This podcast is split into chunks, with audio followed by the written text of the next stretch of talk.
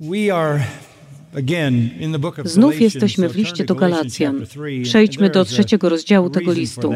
I mamy do tego powód, 2017, ponieważ jest the 2017 500th year rok, świętujemy 500 lat od rozpoczęcia reformacji. Wydaje mi się, że to dobry czas, aby przejść przez list do Galacjan. Właśnie studiując list do Galacjan, Marcin Luther nawrócił się do Chrystusa. Studiując listy do Galacjan i do Rzymian, zrozumiał, że by sprawiedliwy będzie żył z wiary, a zbawienie było tylko przez wiarę w Chrystusa i tylko z łaski. I to zapoczątkowało reformację, ponieważ Kościół rzymskokatolicki twierdził i nadal twierdzi, że zbawienie jest połączeniem wiary i uczynków. Taki jest zasadniczo pogląd Kościoła rzymskokatolickiego i wszystkich form fałszywej religii. Łączą one wiarę w bóstwo z pewnymi sprawiedliwymi i religijnymi zachowaniami, a tym, co zbawia, jest połączenie wiary i uczynków. To jest wszechobecne, to jest tak powszechne. Powiedziałem wam kilka tygodni temu, że w niedawnej ankiecie zapytano uh, ewangelicznych protestantów w Ameryce, czy zbawienie jest matter kwestią wiary i uczynków. works? 52% Aż of 52% ewangelicznych protestantów odpowiedziało tak, zbawienie jest kwestią wiary i uczynków. Do zbawienia wymagane są wiara i uczynki. Czyli 52% ankietowanych ewangelicznych protestantów uwierzyło w fałszywą Ewangelię. Zbawienie jest tylko przez wiarę i właśnie to zapoczątkowało reformację. To jest prawdziwa Ewangelia, która była znana również prawdziwym wierzącym przed reformacją, aż od czasu apostołów w Nowym Testamencie. Jednak w każdym pokoleniu, przed reformacją i po reformacji, musimy walczyć o tę prawdziwą Ewangelię, ponieważ Boży przeciwnik i wróg ludzkich dusz, szatan, będzie starał się zaśmiecić prawdziwą Ewangelię fałszywym przesłaniem. I nieuchronnie chce dodać uczynki do Ewangelii łaski i wiary. Dlatego w każdym pokoleniu zawsze staramy się chronić ludzi przed byciem, używając języka z Galacjan 3.1, omamionymi, oszukanymi przez fałszywą Ewangelię. Ewangelia wiara plus uczynki to fałszywa Ewangelia. A w pierwszym rozdziale listu do Galacjan apostoł Paweł napisał, jeśli ktoś wam zwiastuje fałszywą Ewangelię, niech będzie potępiony, niech będzie anatema, niech będzie przeklęty i powtarza to dwa razy. Fałszywe Ewangelie są potępione, bo fałszywe Ewangelie potępiają. A każda Ewangelia, która mówi, że zbawienie jest przez wiarę i uczynki, Bóg robi coś i ty robisz coś, jest fałszywą Ewangelią. To bardzo ważne. To jest prawdziwa Ewangelia, która zbawia. Żadna inna nie zbawia. I to jest prawdziwa Ewangelia, która musi być głoszona przez prawdziwy Kościół. Prawdziwy Kościół może być zdezorientowany w tym temacie. Nawet ludzie wierzący w prawdziwą Ewangelię mogą zdecydować się otworzyć wrota nieco szerzej i przyjąć fałszywą Ewangelię. To właśnie wydarzyło się w Galacji, dlatego Paweł mówi, że nawet wierzący zostali omamieni i demonstrowali głupotę tego omamienia. W każdym pokoleniu zawsze gorliwie walczymy o Ewangelię, ponieważ tylko prawda zbawia i to prawda musi być głoszona przez Kościół. Jeśli Kościół jest zdezorientowany co do Ewangelii, wtedy Kościół nie wypełnia swojej misji w świecie. Paweł ukazuje więc rzeczywistość Ewangelii zbawienia przez wiarę w liście do Galacjan, w liście do Rzymian i w innych miejscach. Ale spoglądamy w szczególności na Galacjan ze względu na jego główną rolę w reformacji. Spójrzmy teraz na rozdział 3, werset 15. Chcę przeczytać wersety od 15 do 18. Tylko krótki fragment dzisiejszego poranka. Bracia, przytoczę przykład ze stosunków ludzkich. Nawet uprawomocnionego testamentu jakiegoś człowieka nikt nie obala, ani do niego nic nie dodaje. Otóż obietnice dane były Abrahamowi i potomkowi jego. Pismo nie mówi i potomkom jako o wielu, lecz jako o jednym. I potomkowi Twemu, a tym jest Chrystus.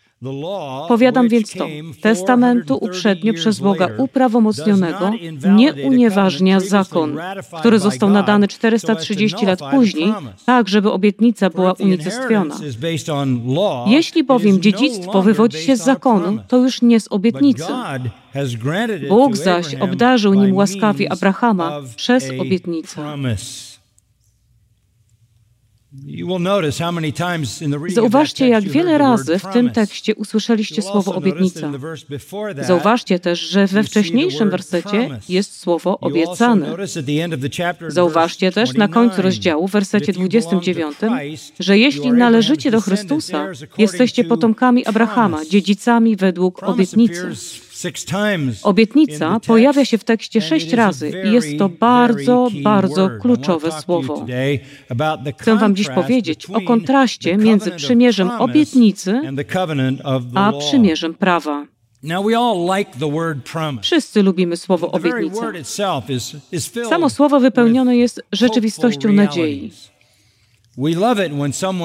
Uwielbiamy, gdy ktoś składa obietnicę. Jest w tym zamiar dobrej woli. To rodzaj przyrzeczenia miłości, przyrzeczenia lojalności, przyrzeczenia wierności, przyrzeczenia uczciwości. To obietnica, że przyjdzie do nas dobro. Czasem słowo obietnica nazywane jest słowem honoru.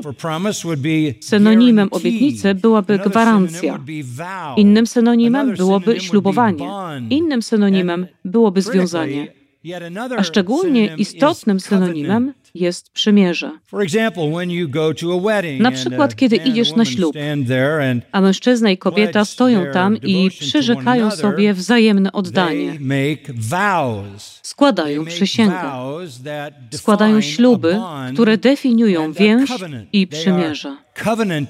Zawierają przymierze, że zapewnią sobie wzajemną miłość, lojalność, dobrą wolę, życzliwe intencje, błogosławieństwo, bycie wiernym i uczciwym.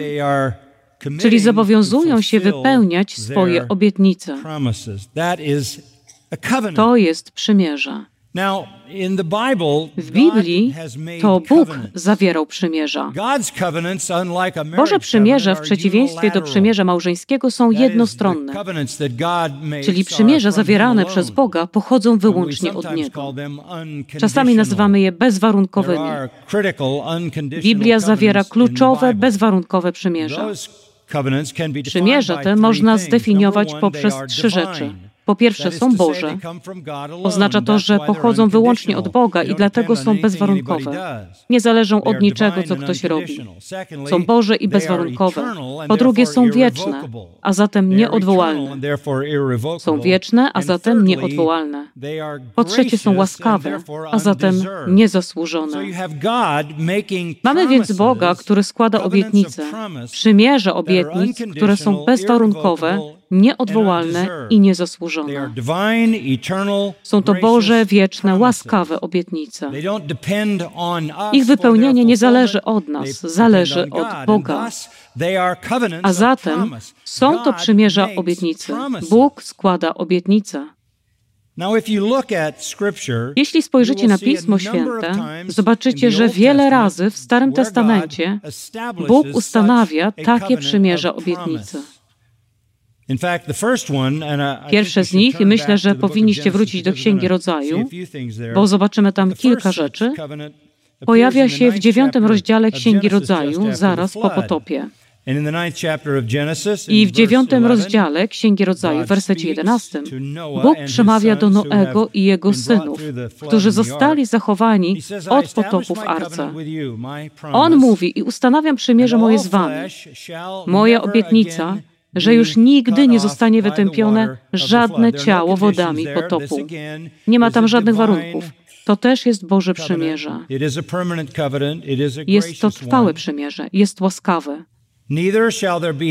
I że już nigdy nie będzie potopu, który by zniszczył ziemię. Bóg powiedział, to będzie znakiem przymierza, które ja ustanawiam między mną a między wami i między każdą istotą żyjącą, która jest z wami po wieczne czasy. Łuk mój, czyli tęczę, kładę na obłoku, aby był znakiem przymierza między mną a ziemią. Kiedy zbiorę chmury i obłok będzie nad ziemią, a na obłoku ukaże się łuk, wspomnę na przymierze moje, które jest między mną a wami. i wszelką istotą żyjącą, we wszelkim ciele i już nigdy nie będzie wód potopu, które by zniszczyły wszelkie ciało. Więc możesz przestać martwić się o topnienie polarnych czap lodowych. Werset 16. Gdy tedy łuk ukaże się na obłoku, spojrzę nań, aby wspomnieć, posłuchajcie, na przymierze wieczne między Bogiem a wszelką istotą żyjącą wszelkim ciałem, które jest na ziemi. Tak długo jak ziemia będzie istnieć, nigdy nie będzie kolejnego globalnego potopu. Ziemia będzie ostatecznie zniszczona przez ogień, a nie przez potop. Oto Boże wieczne i łaskawe przymierze obietnicy. Choć jest to doczesne przymierze, które odnosi się tylko do stworzonego porządku. Ale w Księdze Rodzaju i w Starym Testamencie są przymierza, które są duchowymi przymierzami. I to właśnie im chcemy się dzisiaj przyjrzeć. W 17 rozdziale Księgi Rodzaju jesteśmy już po tym, jak Bóg dał Abrahamowi przymierze. Mamy to w rozdziale 12. Znamy przymierze Abrahamowe. Uczynię z Ciebie naród wielki, będę Ci błogosławił i uczynię sławnym imię Twoje. Staniesz się błogosławieństwem, będę błogosławił błogosławiącym Tobie, a przeklinających Cię przeklinać będę i będą w Tobie błogosławione wszystkie plemiona ziemi. Przez lędźwie Abrahama Bóg będzie błogosławił narodom świata. To jest duchowe błogosławieństwo. Tak, jest obietnica ziemi, ale chodzi o duchowe błogosławieństwo dla świata, dla narodów, przez Abrahama. To jest obietnica. Nie ma tam żadnych warunków. Abraham nie musiał spełnić żadnych wymagań. Przymierze z Abrahamem, obietnica dana Abrahamowi, powtarzana jest Abrahamowi i patriarchom przez całą Księgę Rodzaju. Ale chciałbym, żebyście zobaczyli jedną rzecz w rozdziale 17, werset 19. Bóg powiedział: Żona twoja, Sara, urodzi ci syna. To część wypełnienia przymierza. Jeśli zamierzasz mieć całe pokolenia, musisz od kogoś zacząć. Żona twoja Sara urodzi ci syna i nazwiesz go imieniem Izaak, a ja ustanowię przymierze moje z nim jako przymierze wieczne dla jego potomstwa po nim. Tak więc przymierze z Abrahamem, które przyszło przez Izaaka, było przymierzem wiecznym. Oznacza to, że zawiera elementy, które są wieczne na poziomie duchowym. Wieczne przymierze. To przymierze zdefiniowane jest dalej w tekście, który przeczytałem Wam wcześniej w pierwszej księdze Kronik 16. I przeczytałem je, bo chciałem się do niego odnieść.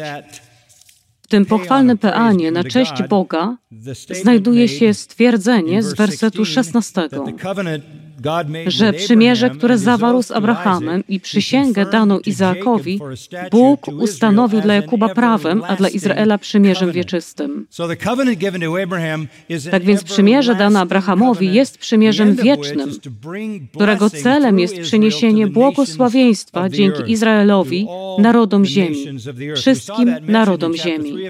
Było to wspomniane w trzecim rozdziale listu do Galacjan, werset ósmy, który mówi: W Tobie będą błogosławione wszystkie narody. Przymierze Abrahamowe jest więc przymierzem duchowym, które ma wieczne konsekwencje. Jeśli spojrzycie przez chwilę na Izajasza 55, pokażę Wam drugie przymierze, które jest wiecznym przymierzem o duchowych implikacjach. To przymierze zawarte z Dawidem zostało zawarte w siódmym rozdziale drugiej księgi Samuela. Bóg zawarł przymierze z Dawidem, że da mu wspanialszego syna i będzie nim Mesjasz, który będzie panował i wypełni wszystkie Boże obietnice. Prorocy powtarzali obietnice błogosławieństw przymierza Abrahamowego dla świata Prorocy powtarzali przymierze Dawidowe, mówiąc, że nadejdzie Mesjasz, który będzie królem, który przejmie władzę nad ziemią, który ujarzmi zło, który będzie panował, a ostatecznie będzie panował na wieki. Tak więc przymierza Dawidowe i Abrahamowe zawsze były w umysłach narodu żydowskiego tym, na co mieli nadzieję. Izajasza 55 dowiadujemy się czegoś o przymierzu Dawidowym. W wersecie trzecim dowiadujemy się, że jest to wieczne przymierze z niezłomnymi dowodami łaski okazanej niegdyś Dawidowi. Więc w Księdze Rodzaju widzimy, że przymierze z Abrahamem było wieczne i przymierze z Dawidem jest przymierzem wiecznym. Jest jeszcze jedno, absolutnie kluczowe, wieczne przymierze. To przymierze, które najbardziej znamy. Zanim wam to przekażę, pozwólcie, że przeczytam kilka wersetów z Ezechiela 37 na poparcie przymierza Dawidowego od wersetu 24 do końca 37 rozdziału Ezechiela. A sługa mój Dawid, mamy tu ponowną obietnicę przymierza Dawidowego, a sługa mój Dawid, tylko że teraz przechodzi do sługa mój Mesjasz, który pochodzi od Dawida, on będzie królem nad nimi. Będą mieć jednego pasterza. Będą postępować według moich praw, będą przestrzegać moich przekazań i wykonywać je. I będą mieszkać w ziemi, którą dałem mojemu słudze Jakubowi, w której mieszkali ich ojcowie. Będą w niej mieszkać zarówno oni, jak i ich synowie i wnuki po wszystkie czasy, a sługa mój Dawid będzie ich księciem na wieki. To Mesjasz, który jest synem Dawida. I zawrę z nimi przymierze pokoju. Będzie to przymierze wieczne z nimi. Przymierze Dawidowe obiecywało więc Mesjasza. Obiecywało panowanie i rządy. Obiecało ujarzmienie zła i ustanowienie sprawiedliwości. Obiecuje też, jak widzieliśmy tutaj, że ludzie, którzy są w tym przymierzu, będą postępować według Bożych praw, przestrzegać przykazań, wykonywać je i żyć w pokoju. To jest przymierze wieczne. I Bóg mówi: Będę wśród nich mieszkał. Jest to więc przymierze duchowe. Mamy więc przymierze Abrahamowe, które obiecuje błogosławieństwo narodom świata, i przymierze Dawidowe, które raz jeszcze obiecuje zbawienie Bożego ludu, rozszerzające się poza Izrael na narody świata. Jest jeszcze jedno kluczowe przymierze, bez którego nie spełni się żadne z pozostałych. Znajduje się w Jeremiasza 31. To trzecie wieczne przymierze, na które chcę z wami spojrzeć. Znacie je jako nowe przymierze. Jeremiasza 31, 31. Oto idą dni, mówi Pan, że zawrę z domem izraelskim i z domem judzkim nowe przymierze. Mówimy o nich, bo są formalnymi przymierzami. Przymierze Abrahamowe, przymierze Dawidowe, a teraz nowe przymierze. Oto charakter tego przymierza. Nie takie przymierze, jakie zawarłem z ich ojcami w dniu, gdy ich ująłem za rękę, aby ich wyprowadzić z ziemi egipskiej. To o przymierzu mojżeszowym, o prawie nadanym na Synaju. To nie jest takie. To przymierze oni zerwali, chociaż ja byłem ich Panem, mówi Pan. Lecz takie przymierze zawrę z domem izraelskim po tych dniach, mówi Pan Złożę mój zakon w ich wnętrzu i wypiszę go na ich sercu. Ja będę ich Bogiem, a oni będą moim ludem. Wszyscy oni znać mnie będą. Odpuszczę ich winę, a ich grzechu nigdy nie wspomnę. To jest nowe przymierze. To jest nowe przymierze. Przymierze Abrahamowe i nowe przymierze wypełniły się oczywiście Panu Jezusie Chrystusie. I zobaczymy to za chwilę. Ale w Jeremiasza 32 należy zauważyć, że to przymierze to nowe przymierze jest również wiecznym przymierzem. Werset 38. Będą moim ludem, kontynuuje tam, gdzie skończył w 37, a ja będę ich Bogiem i dam im jedno serce i wskażę jedną drogę, aby się mnie bali po wszystkie dni dla dobra ich samych i ich dzieci po nich. I zawrę z nimi wieczne przymierze, że się od nich nie odwrócę i nie przestanę im dobrze czynić, a w ich serce włożę bojaźń przede mną, aby ode mnie nie odstąpili i będę będę się radował z nich i dobrze im czynił. Na stałe osadzę ich w tej ziemi z całego serca i z całej duszy. W przymierzu Abrahamowym Bóg mówi, ja uczynię, ja zrobię, ja będę. W przymierzu Dawidowym, ja uczynię, ja zrobię, ja będę. W Nowym Przymierzu, ja uczynię, ja zrobię, ja będę. Ponownie, przymierze jest Boże. Przymierze pochodzi jednostronnie od Boga. Przymierze jest również wieczne. Każde z tych trzech określone jest jako przymierze wieczne i żadne z nich nie może zostać odwołane, ponieważ są wieczne. Są też zależne od Bożej łaski, a nie od czegokolwiek, co zrobiliśmy, żeby zasłużyć na obietnicę tych przymierzy. Mamy więc te wielkie Boże obietnice. Obietnice dla Abrahama, żeby błogosławić świat, błogosławieństwo zbawienia. Obietnice dla Dawida, żeby błogosławić świat, posyłając Mesjasza, który ustanowi jego królestwo, a następnie obietnice dla proroków Nowego Przymierza, w którym nie mówimy o jakimś zewnętrznym królestwie, tylko o nowych sercach i nowej relacji z Bogiem, poznawaniu Boga, chodzeniu z Bogiem, posłuszeństwie Bogu, ponieważ mamy nowe serce, nowego ducha i zostaliśmy przemienieni. Te trzy wieczne przymierza są w zasadzie strumieniem zbawienia w historii odkupienia. Nowe przymierze jest konieczne, żeby spełniły się obietnice Abrahamowe i Dawidowe.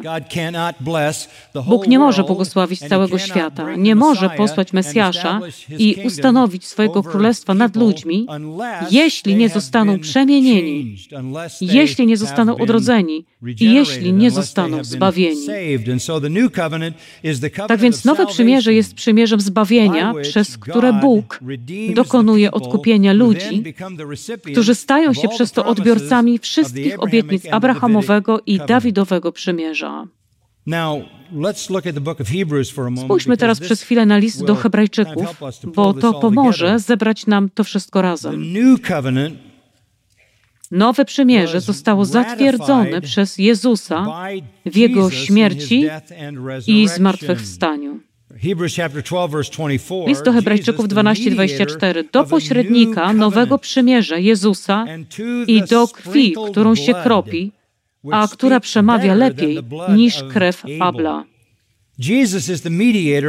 Jezus jest pośrednikiem nowego przymierza.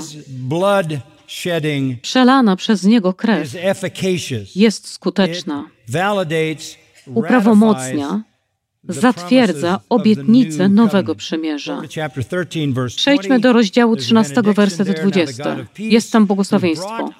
A Bóg pokoju, który przez krew przymierza wiecznego wywiódł spośród umarłych wielkiego pasterza owiec, Pana naszego Jezusa. Tak więc przymierze Abrahamowe jest wieczne, przymierze Dawidowe jest wieczne, nowe przymierze jest wieczne. To są stałe przymierza. Z tego powodu autor listu do Hebrajczyków, jeśli wrócisz do rozdziału 13, wersetu 10, Autor Hebrajczyków wzywa żydowskich czytelników.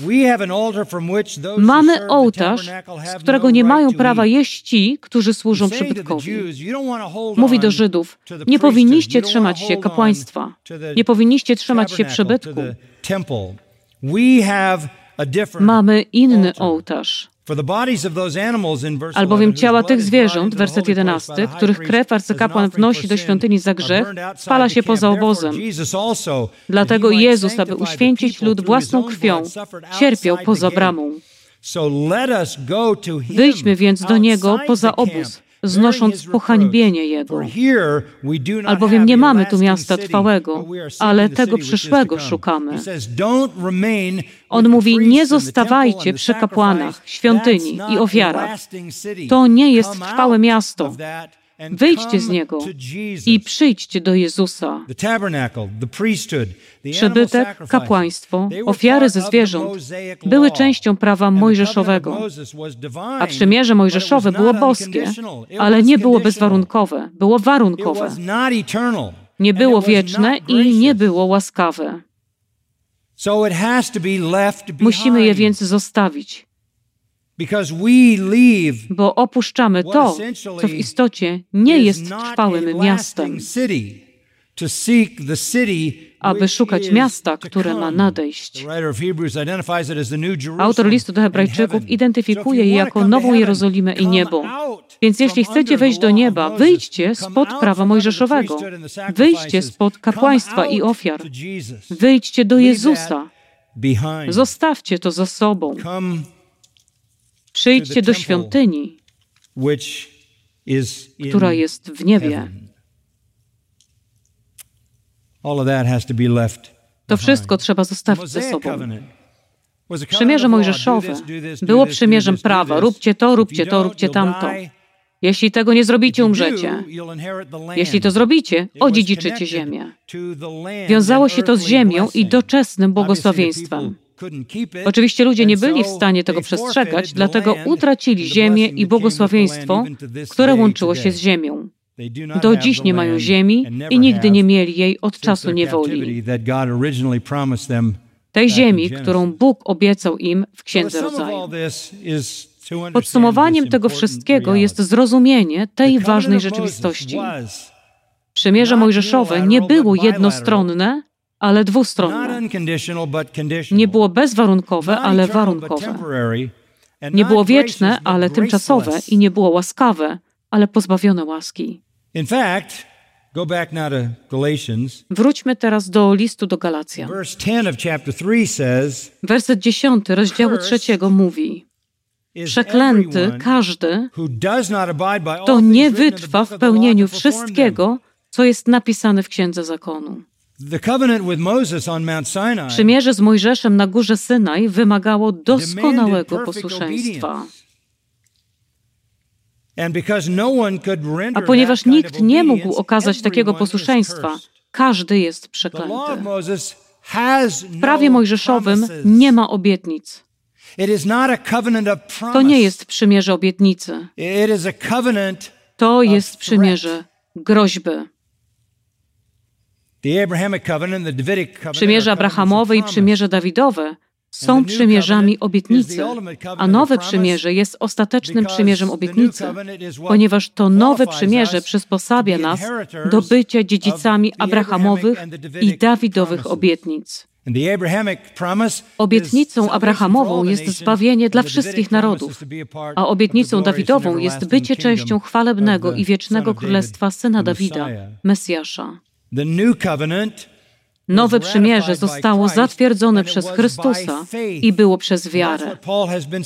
I właśnie o tym mówił Paweł na początku tego rozdziału. Na przykład, jeśli wrócimy do wersetu szóstego, Abraham uwierzył Bogu i poczytano mu to ku usprawiedliwieniu.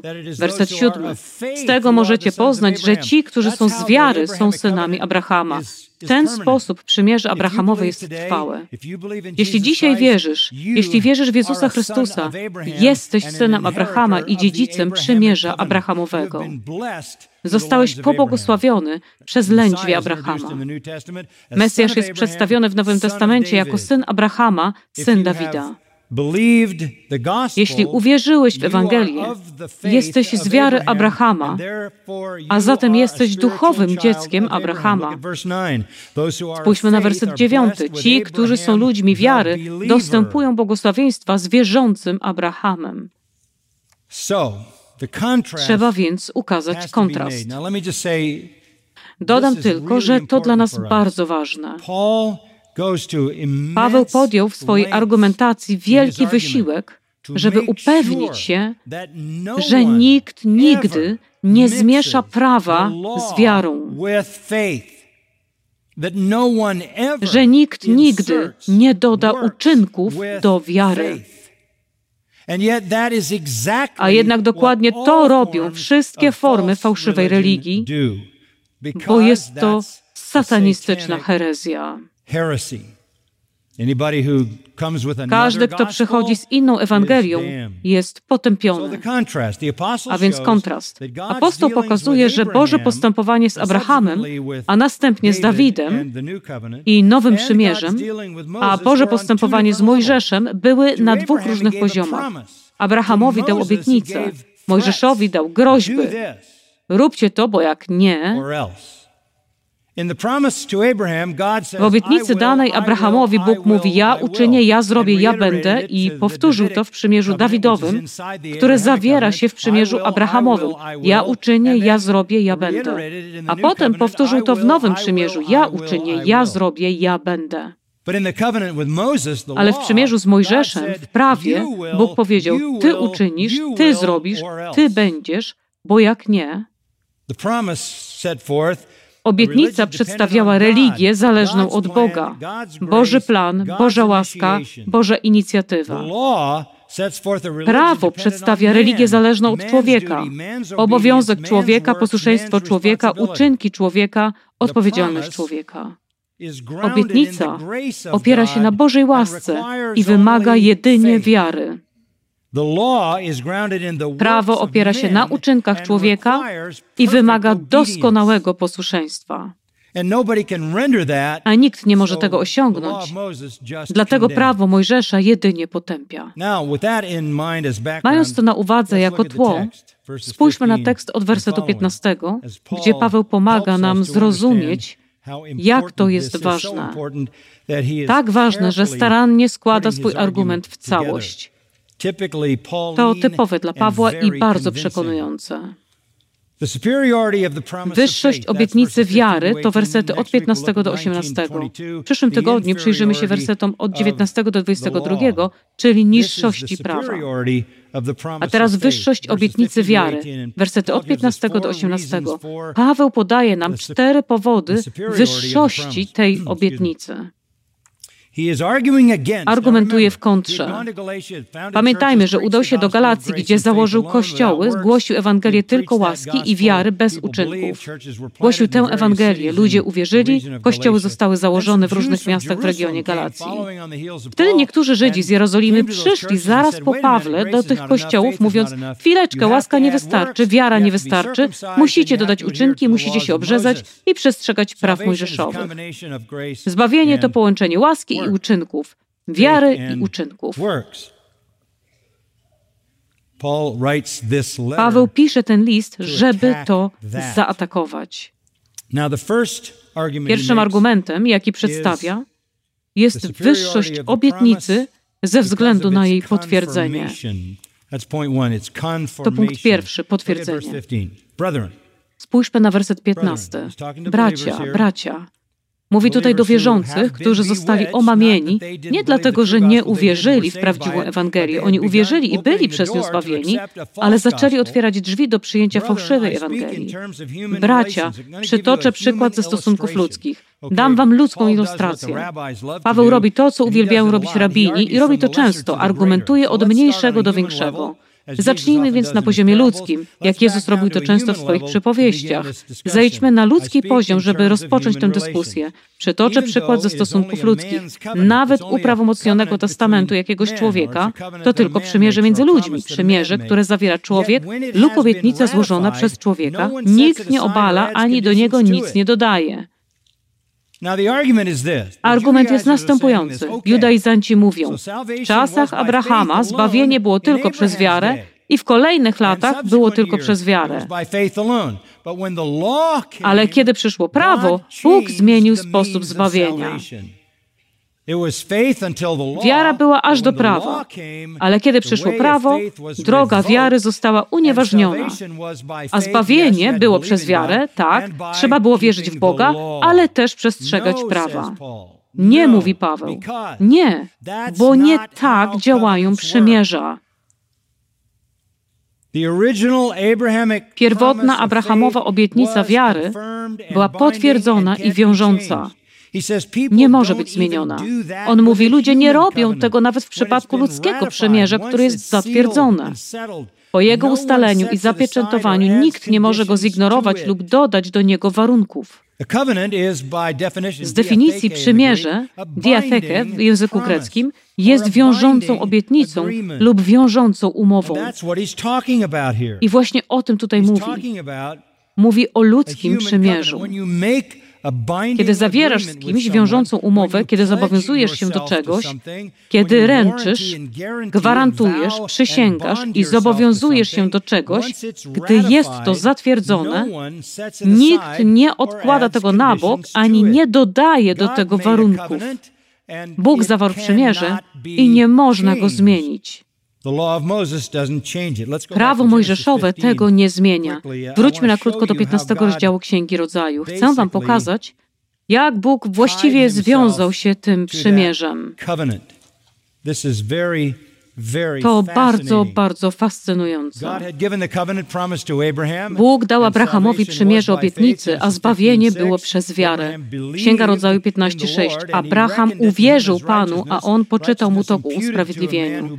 Sprawiedliwość przypisana człowiekowi, który uwierzył, a nie jego własna sprawiedliwość, bo jego sprawiedliwość jest jak brudne szmaty. Ale Bóg przyznaje mu własną sprawiedliwość wyłącznie na podstawie jego wiary. To jest zbawienie przez wiarę. To jest obietnica. To jest przymierze obietnicy. Abram powiedział tutaj, po czym poznam, że tego dotrzymasz? Po czym poznam, że dasz mi to, co obiecałeś? Po czym to poznam? Werset ósmy. Panie Boże, po czym poznam, że ją posiądę? Bóg mówi, oto co zrobisz. Sprowadź mi trzyletnią jałówkę i trzyletnią kozę i trzyletniego barana. Nadto synogarlice i gołębice, trzy zwierzęta i dwa ptaki. Sprowadził mu to wszystko i przeciął na pół. Dlaczego przeciął na pół? Bo w ten sposób zawierało się przymierze. W starożytności, kiedy składało się przysięgę lub zawierało przymierze, pieczętowało się je krwią. Cenne zwierzęta przecinało się na pół. Połowę zwierzęcia kładło się po jednej stronie, a połowę po drugiej i ktokolwiek zawierał przymierze, przechodził przez zakrwawione kawałki, co było publicznym potwierdzeniem. Było to publiczne potwierdzenie, że przymierze zostało ustalone. Jeden martwy ptak po jednej stronie, jeden martwy ptak po drugiej stronie. Ideą jest więc przysięganie na krew. Śmierć tych zwierząt wskazuje na powagę tego zobowiązania. To nie tylko podpisanie się na umowie, to przejście przez bardzo dramatyczną ceremonię krwi. Wszystkie były więc przecięte na pół i położone, a Abraham musiał odpędzić drapieżne ptaki, które zleciały się do padliny. Następnie werset 12 mówi, a gdy zachodziło słońce, ogarnął Abrama twardy sen. Bóg zmorzył Abrama snem, bo nie miało to być przymierze, przez które miał przejść Abraham. To nie było przymierze między Bogiem a Abrahamem. To przymierze między Bogiem a Bogiem. Powtórzę, jest jednostronne, boskie, a zatem nieodwołalne i dlatego jest zależne od Niego. Łaskawe, a nie jest zależny od Abrama. Bóg uśpił go boską narkozą, więc ogarnął go sen, a sam Bóg przeszedł między tymi kawałkami. Przejdźmy do wersetu 17. A gdy słońce zaszło i nastała ciemność, oto ukazał się dymiący piec i płonąca pochodnia, które przesuwały się między owymi połaciami. To Bóg ukazał się jako światło i dym. W dniu tym zawarł Pan przymierze z Abramem, mówiąc, potomstwu Twemu daję tę ziemię. I dalej mamy elementy przymierza Abrahamowego. Więc Bóg związał się tym przymierzem, a kiedy Bóg był już jednostronnie związany tym przymierzem, to przymierze było zatwierdzone. Nikt nie ingeruje w zatwierdzone przymierze. Weszło w życie natychmiast. Natychmiast, ponieważ w tym samym rozdziale Abraham został usprawiedliwiony przez wiarę. Sprawiedliwość została mu przypisana, ponieważ uwierzył. Zbawienie dla Abrahama było przez wiarę, a Bóg natychmiast zatwierdził przymierze.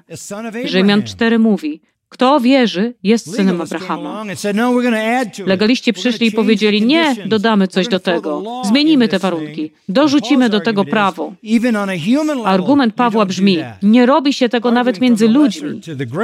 Argumentując od mniejszego do większego, jeśli nie jest to dozwolone nawet między ludźmi, przy ludzkim przymierzu, dlaczego myślicie, że mogłoby wam się upiec przy boskim przymierzu? Ludzie nie pozwalają na zmiany swoich przymierzy tym bardziej Bóg nie pozwoli na zmianę przymierza, które potwierdził. No Nikt nie może dodawać warunków do tego przymierza, uczynków do przymierza usprawiedliwienia przez wiarę, które jest obietnicą. Tak więc po pierwsze, nie możesz zrobić nic, żeby zmienić przymierze wiary. Zbawienie przez wiarę, którą Bóg dał Abrahamowi, przez które błogosławi narody świata. Tych, którzy są zbawieni przez wiarę i stają się duchowymi synami Abrahama. Nie możesz tego zmienić, bo sam Bóg to potwierdził. Jest to więc potwierdzone. Po drugie, kolejnym powodem, by zaakceptować wyższość tego przymierza wiary, jest jego skupienie na Chrystusie. To bardzo ważne. Werset 16. Otóż obietnice dane były Abrahamowi i potomkowi jego. To powtarza się od rozdziału 12. Tobie i potomstwu Twemu. Pismo nie mówi i potomkom jako o wielu, lecz jako o jednym. I potomkowi Twemu, a tym jest Chrystus. To najbardziej niezwykłe, najbardziej niezwykłe. Kiedy Bóg dał obietnicę Abrahamowi, powiedział: Tobie będą błogosławione wszystkie plemiona ziemi, przez Ciebie i Twoje potomstwo. Powiecie, czy on nie miał na myśli jego potomków? Tak, miał. W istocie można czasem zobaczyć słowo potomstwo jako liczbę mnogą. Moglibyśmy powiedzieć kolektywnie, wszyscy jesteśmy potomstwem Abrahama przez wiarę. Jak też powiedzieć, Chrystus jako jeden jest potomstwem Abrahama. Dlaczego więc Paweł zawęża to do Chrystusa? Dlaczego, kiedy on powiedział, będę błogosławił Tobie i Twojemu potomstwu, dlaczego mamy rozumieć to jako Chrystusa? Jak mamy to rozumieć jako Chrystusa? Ale dokładnie o tym mówi werset 16. To jest genialne, to jest potężne. On przechodzi od ludzkiej ilustracji w wersecie 15 do Bożego Przymierza w wersecie 16. A to, co mówi, jest całkiem proste. Słowo potomstwo może odnosić się do jednej osoby, jest tak w Księdze Rodzaju 4.25 w odniesieniu do Seta i tylko do Seta, jest tak w Księdze Rodzaju 21.13 w odniesieniu do Ismaela i tylko do Ismaela, jest tak w pierwszej Księdze Samuela 1.11 w odniesieniu do Samuela, w drugiej Księdze Samuela 7.12 w odniesieniu do Salomona. Tak więc potomstwo może odnosić się do jednego, ale może być też kolektywne, kiedy odnosi się do wielu, którzy mogą być określeni jako potomkowie. Dlaczego Paweł zawęża to do Chrystusa? Odpowiedź jest następująca: ponieważ tylko w Chrystusie ludzie są błogosławieni. Tylko w unii z Nim jesteście błogosławieni. Obietnice przychodzą przez tego, który jest Chrystusem. Dlatego Paweł uwielbia mówić o byciu w Chrystusie, umieraniu w Chrystusie, pogrzebaniu w Chrystusie, zmartwychwstaniu w Chrystusie.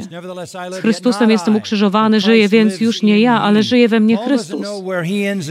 Paweł nie wie, gdzie kończy się On, a gdzie zaczyna się Chrystus. Cały czas w Chrystusie, w Chrystusie, w Chrystusie. Paweł wie, że wszyscy, którzy w całej historii otrzymają błogosławieństwo Abrahamowe, możemy w to włączyć wszystkie obietnice Dawidowe, wszystkie obietnice przymierzy z Abrahamem i Dawidem. Paweł wie, że oni wszyscy otrzymają te błogosławieństwa tylko dlatego, że są w Chrystusie. Nawet ludzie w Starym Testamencie, którzy umarli w wierze przed przyjściem Chrystusa, byli w Nim w Jego śmierci. On umarł zamiast nich. Dokonał przebogania za ich grzechy, za ludzi, którzy uwierzyli przed Nim i ludzi, którzy uwierzyli po Nim. Przymierze Abrahamowe i jego obietnice, przymierze Dawidowe i jego obietnice, nowe przymierze i jego obietnice oraz rzeczywistość wypełnione są tylko w Chrystusie. W Chrystusie, który doskonale przestrzegał prawa. W Chrystusie, który zapłacił karę za nasze grzechy na krzyżu. Tak, że zarówno przez swoje aktywne posłuszeństwo i sprawiedliwość, jak i przez swoje bierne posłuszeństwo i sprawiedliwość na krzyżu, stał się tym, który zaspokoił Boga. Umarliśmy w Nim i otrzymaliśmy też Jego sprawiedliwe życie, które zostało nam przypisane. To wszystko jest Abraham usłyszał, że Bóg będzie błogosławił narody przez jego potomstwo. Mógł równie dobrze myśleć, że to potomstwo jest jedną osobą. I nie chodziło o Izaaka, bo w Księdze Rodzaju 3.15 została dana obietnica i Abraham z pewnością znał tę obietnicę, że potomstwo kobiety zmiażdży głowę węża. Kim jest to potomstwo? Kim jest to potomstwo? Był nim jeden. W Księdze Rodzaju 3.15. Był nim jeden w Księdze Rodzaju 12. Jest nim jeden w liście do Galacjan. Jest nim Pan Jezus Chrystus. Potomstwem jest ostatecznie Chrystus, a my otrzymujemy wszystkie błogosławieństwa wszystkich przymierzy, bo jesteśmy w Chrystusie. Boża obietnica dana Abrahamowi w jej najbogatszym, najpełniejszym znaczeniu wypełniona jest w Chrystusie. Boża obietnica dana Dawidowi wypełniła się w Chrystusie. Nowe przymierze wypełniło się w Chrystusie, w Jego śmierci i zmartwychwstaniu, w których jesteśmy z Nim złączeni. Jest to więc pewne. To przymierze jest Boże. To przymierze jest wieczne. To przymierze jest łaskawe. Pochodzi od Boga zostało zatwierdzone w śmierci i zmartwychwstaniu Jezusa Chrystusa, potwierdzone przez Boga i skupione w Chrystusie. Nic nie może tego zakłócić. Po trzecie, jego chronologia.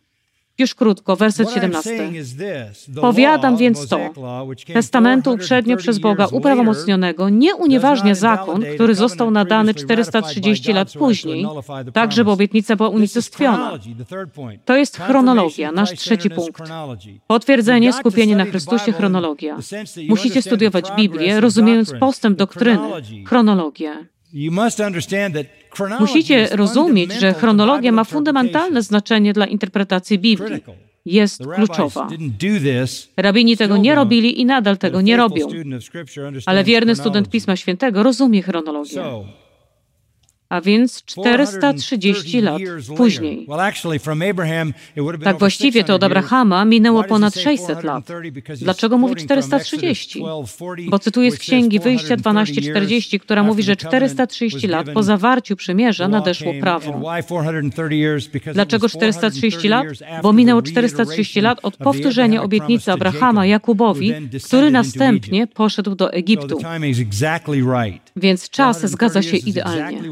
430 lat to dokładnie tyle, ile mówi Księga Wyjścia 12:40. Minęło 430 lat od ostatecznej deklaracji przymierza Abrahamowego dla Jakuba. Chodzi o to, coś, co przychodzi 430 lat później, nie unieważnia przymierza zatwierdzonego wcześniej przez Boga, bo to unieważniłoby obietnicę. Nie można teraz nagle wtłoczyć do tego prawa. Nie można wtłoczyć do tego żadnych uczynków bo przerwie się przepływ odkupienia. Przymierze Abrahamowe wypełnione w Chrystusie, przymierze Dawidowe wypełnione w Chrystusie, nowe przymierze wypełnione w Chrystusie. Nie można wprowadzać prawa, żeby to zmienić, przerobić i przerwać.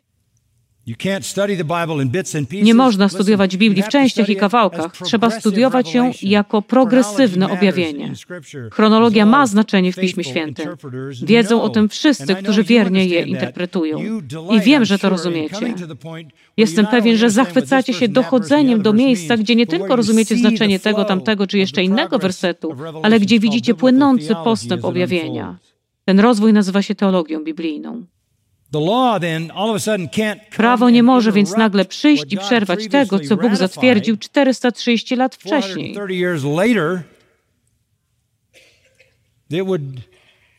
Unieważniłoby to wszystko, co jest w Abrahamie, wszystko, co jest w Dawidzie i wszystko, co jest w Nowym Przymierzu. And there's a final note. I ostatnia kwestia. Obietnica jest ważniejsza ze względu na jej potwierdzenie, skupienie na Chrystusie, chronologię i na końcu na kompletność. Werset 18, krótko. Jeśli dziedzictwo to jest zbawienie, jeśli dziedzictwo, wszystko, co było obiecane Abrahamowi, wszystko, co było obiecane Dawidowi, wszystko to, co prorocy powtarzają w Nowym Przymierzu, jeśli całe dziedzictwo wywodzi się z zakonu, to już nie z obietnicy, te dwie rzeczy są nie do pogodzenia. Gdyby Bóg powiedział, że dziedzictwo opiera się na prawie, to nie opiera się już na obietnicy.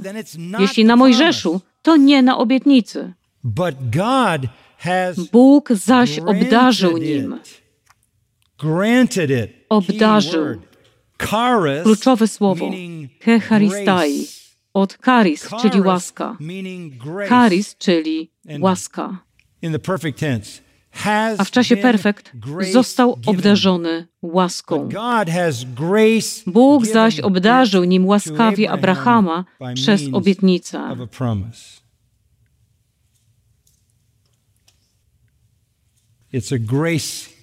To dar łaski. God shows Bóg pokazuje, że te dwie rzeczy są nie do pogodzenia. Wszystko, czego nauczali judaizanci, było herezją, fałszywą Ewangelią, Ewangelią przeklętą, Ewangelią, której autorem był szatan.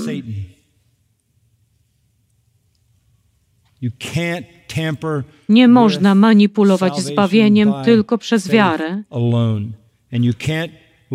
i nie można pozwolić, by prawo unicestwiło obietnicę, 17. jak mówi końcówka wersetu gave the 17. promise as a Skoro Bóg dał obietnicę jako dar łaski. So every sinner who Więc każdy grzesznik, który ufa Chrystusowi ukrzyżowanemu dla zbawienia, do każdego grzesznika, który pokłada swoją wiarę w zmartwychwstałym Chrystusie, przychodzi obietnica, a wraz z nią wszystkie błogosławieństwa obiecane dla i przez Abrahama, wszystkie błogosławieństwa obiecane dla i przez Dawida, wszystkie błogosławieństwa obiecane w Nowym Przymierzu, wszystkie błogosławieństwa, które pochodzą od Boga. Wymagać obrzezania, wymagać prawa, to cofać się w historii i unieważniać plan Boga.